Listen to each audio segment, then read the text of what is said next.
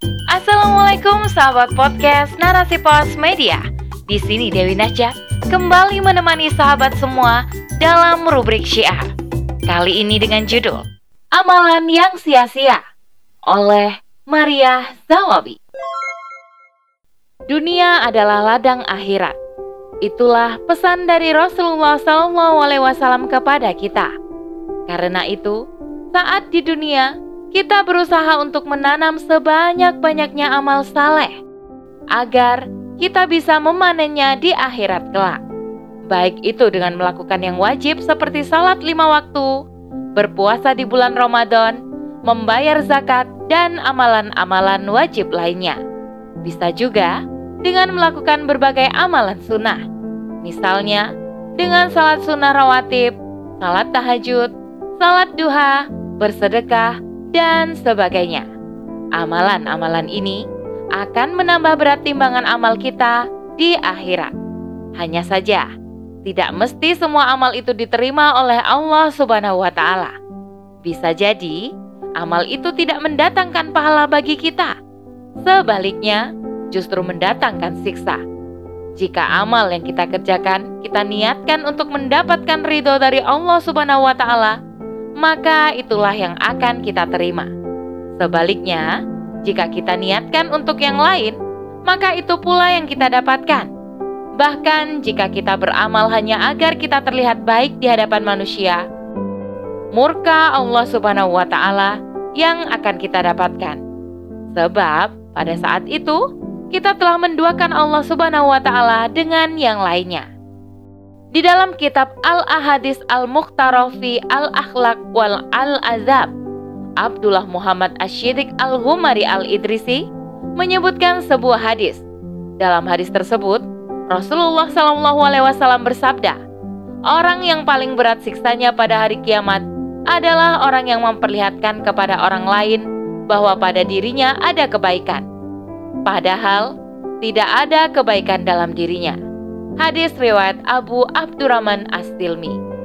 Maksud dari hadis ini adalah orang yang menampakkan kebaikan kepada manusia, padahal ia tidak memiliki kebaikan itu, ia akan mendapatkan azab yang paling keras dari Allah Subhanahu wa taala. Mengapa demikian? Ya, sebab ia memperlihatkan kebaikan tersebut agar manusia memandangnya sebagai seorang yang baik. Dia melakukannya bukan untuk mendapatkan ridho dari Allah Subhanahu wa taala. Padahal Allah Subhanahu wa taala telah berfirman dalam Al-Qur'an surah Az-Zariyat ayat 56. "Wa ma khalaqtul jinna wal insa illa liya'buduni." Dan tidaklah aku menciptakan jin dan manusia kecuali untuk beribadah kepadaku. Maka, ibadah yang kita lakukan hendaknya kita tujukan untuk Allah Subhanahu wa taala semata. Salat kita, puasa kita, zakat kita, infak yang kita keluarkan serta ibadah-ibadah lainnya hanyalah untuk Allah Subhanahu wa taala. Dengan demikian, Allah akan membalas amal ibadah kita dengan pahala darinya. Namun, jika kita meniatkannya untuk sesuatu yang lain, amal yang kita lakukan pun akan sia-sia. Sebab Allah tidak akan memberikan pahala atas ibadah kita, bahkan mungkin mendatangkan murkanya. Dalam sebuah hadis sahih disebutkan, dari Mahmud bin Labid, Rasulullah Shallallahu Alaihi Wasallam bersabda, Sesungguhnya yang paling aku takutkan yang akan menimpa kalian adalah syirik kecil. Mereka bertanya, apa yang dimaksud dengan syirik kecil ya Rasulullah? Beliau bersabda, Ria. Allah Ta'ala berkata kepada mereka pada hari kiamat saat manusia dibalas amalnya. Pergilah kalian kepada orang-orang yang kalian tujukan amal kalian saat di dunia. Lihatlah, apa kalian menemukan pada diri mereka balasan? Hadis riwayat Ahmad. Dalam hadis yang lain, Rasulullah Shallallahu Alaihi Wasallam menyebutkan dengan syirik khafi, yakni syirik yang tersembunyi. Di dalam kitab At-Taghrib wa At-Tahrib, Imam Al-Munziri mengutip sebuah hadis yang diriwayatkan oleh Ibnu Majah dan Baihaqi.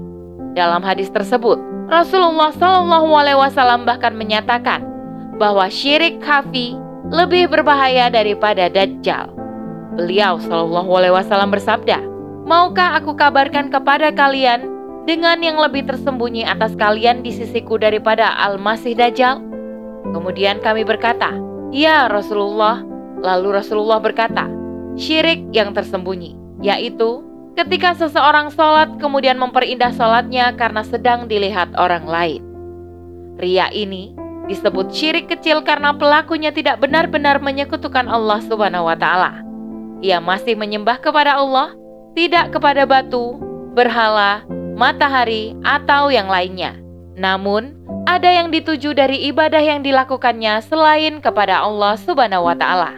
Seperti yang digambarkan oleh Rasulullah dalam hadis di atas, bahwa seseorang dianggap melakukan syirik kecil saat ia beribadah kepada Allah tetapi ia juga ingin dipuji oleh manusia. Syirik kecil tidak akan memutus semua pahala dari Allah Subhanahu wa taala. Namun ia hanya menghapus pahala dari amalan yang dilakukan karena ria di dalamnya. Karena itu, Allah Subhanahu wa taala mengingatkan kita tentang hal ini di dalam Al-Qur'an surah Al-Kahfi ayat 110. Maka siapa saja yang mengharapkan perjumpaan dengan Tuhannya, hendaknya ia beramal salih dan janganlah ia menyekutukan ibadah kepada Tuhannya dengan sesuatu apa pun. Ibnu Kasir dalam tafsirnya menjelaskan ayat ini dengan mengutip sebuah hadis dari Ibnu Abu Hatim melalui hadis Ma'mar. Hadis ini menceritakan bahwa ada seorang laki-laki bertanya kepada Rasulullah tentang amal yang dikerjakannya. Ia menginginkan pahala dari Allah, tetapi juga suka jika dipuji oleh manusia. Saat itu, Rasulullah Shallallahu Alaihi Wasallam hanya diam. Kemudian turunlah ayat ini.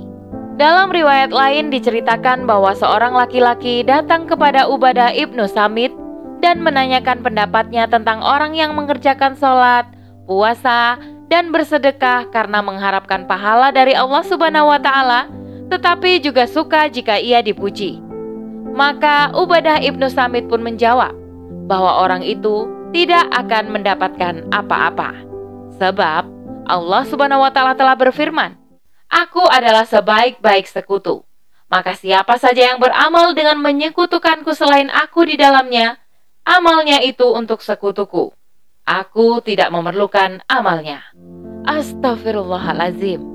Betapa sangat halusnya ria ini.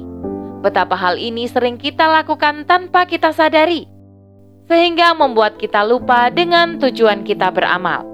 Semoga setelah ini kita dapat meluruskan amal kita agar hanya untuk Allah Subhanahu wa taala. Semoga Allah memberi kekuatan kepada kita untuk menjauhkan kita dari bisikan-bisikan halus ria ini, agar amalan kita tidak sia-sia. Amin, Allahumma amin. Demikianlah rubrik syiar kali ini. Sampai bertemu di rubrik syiar selanjutnya. Saya Dewi Nasyak undur diri. Afumikum wassalamualaikum warahmatullahi wabarakatuh.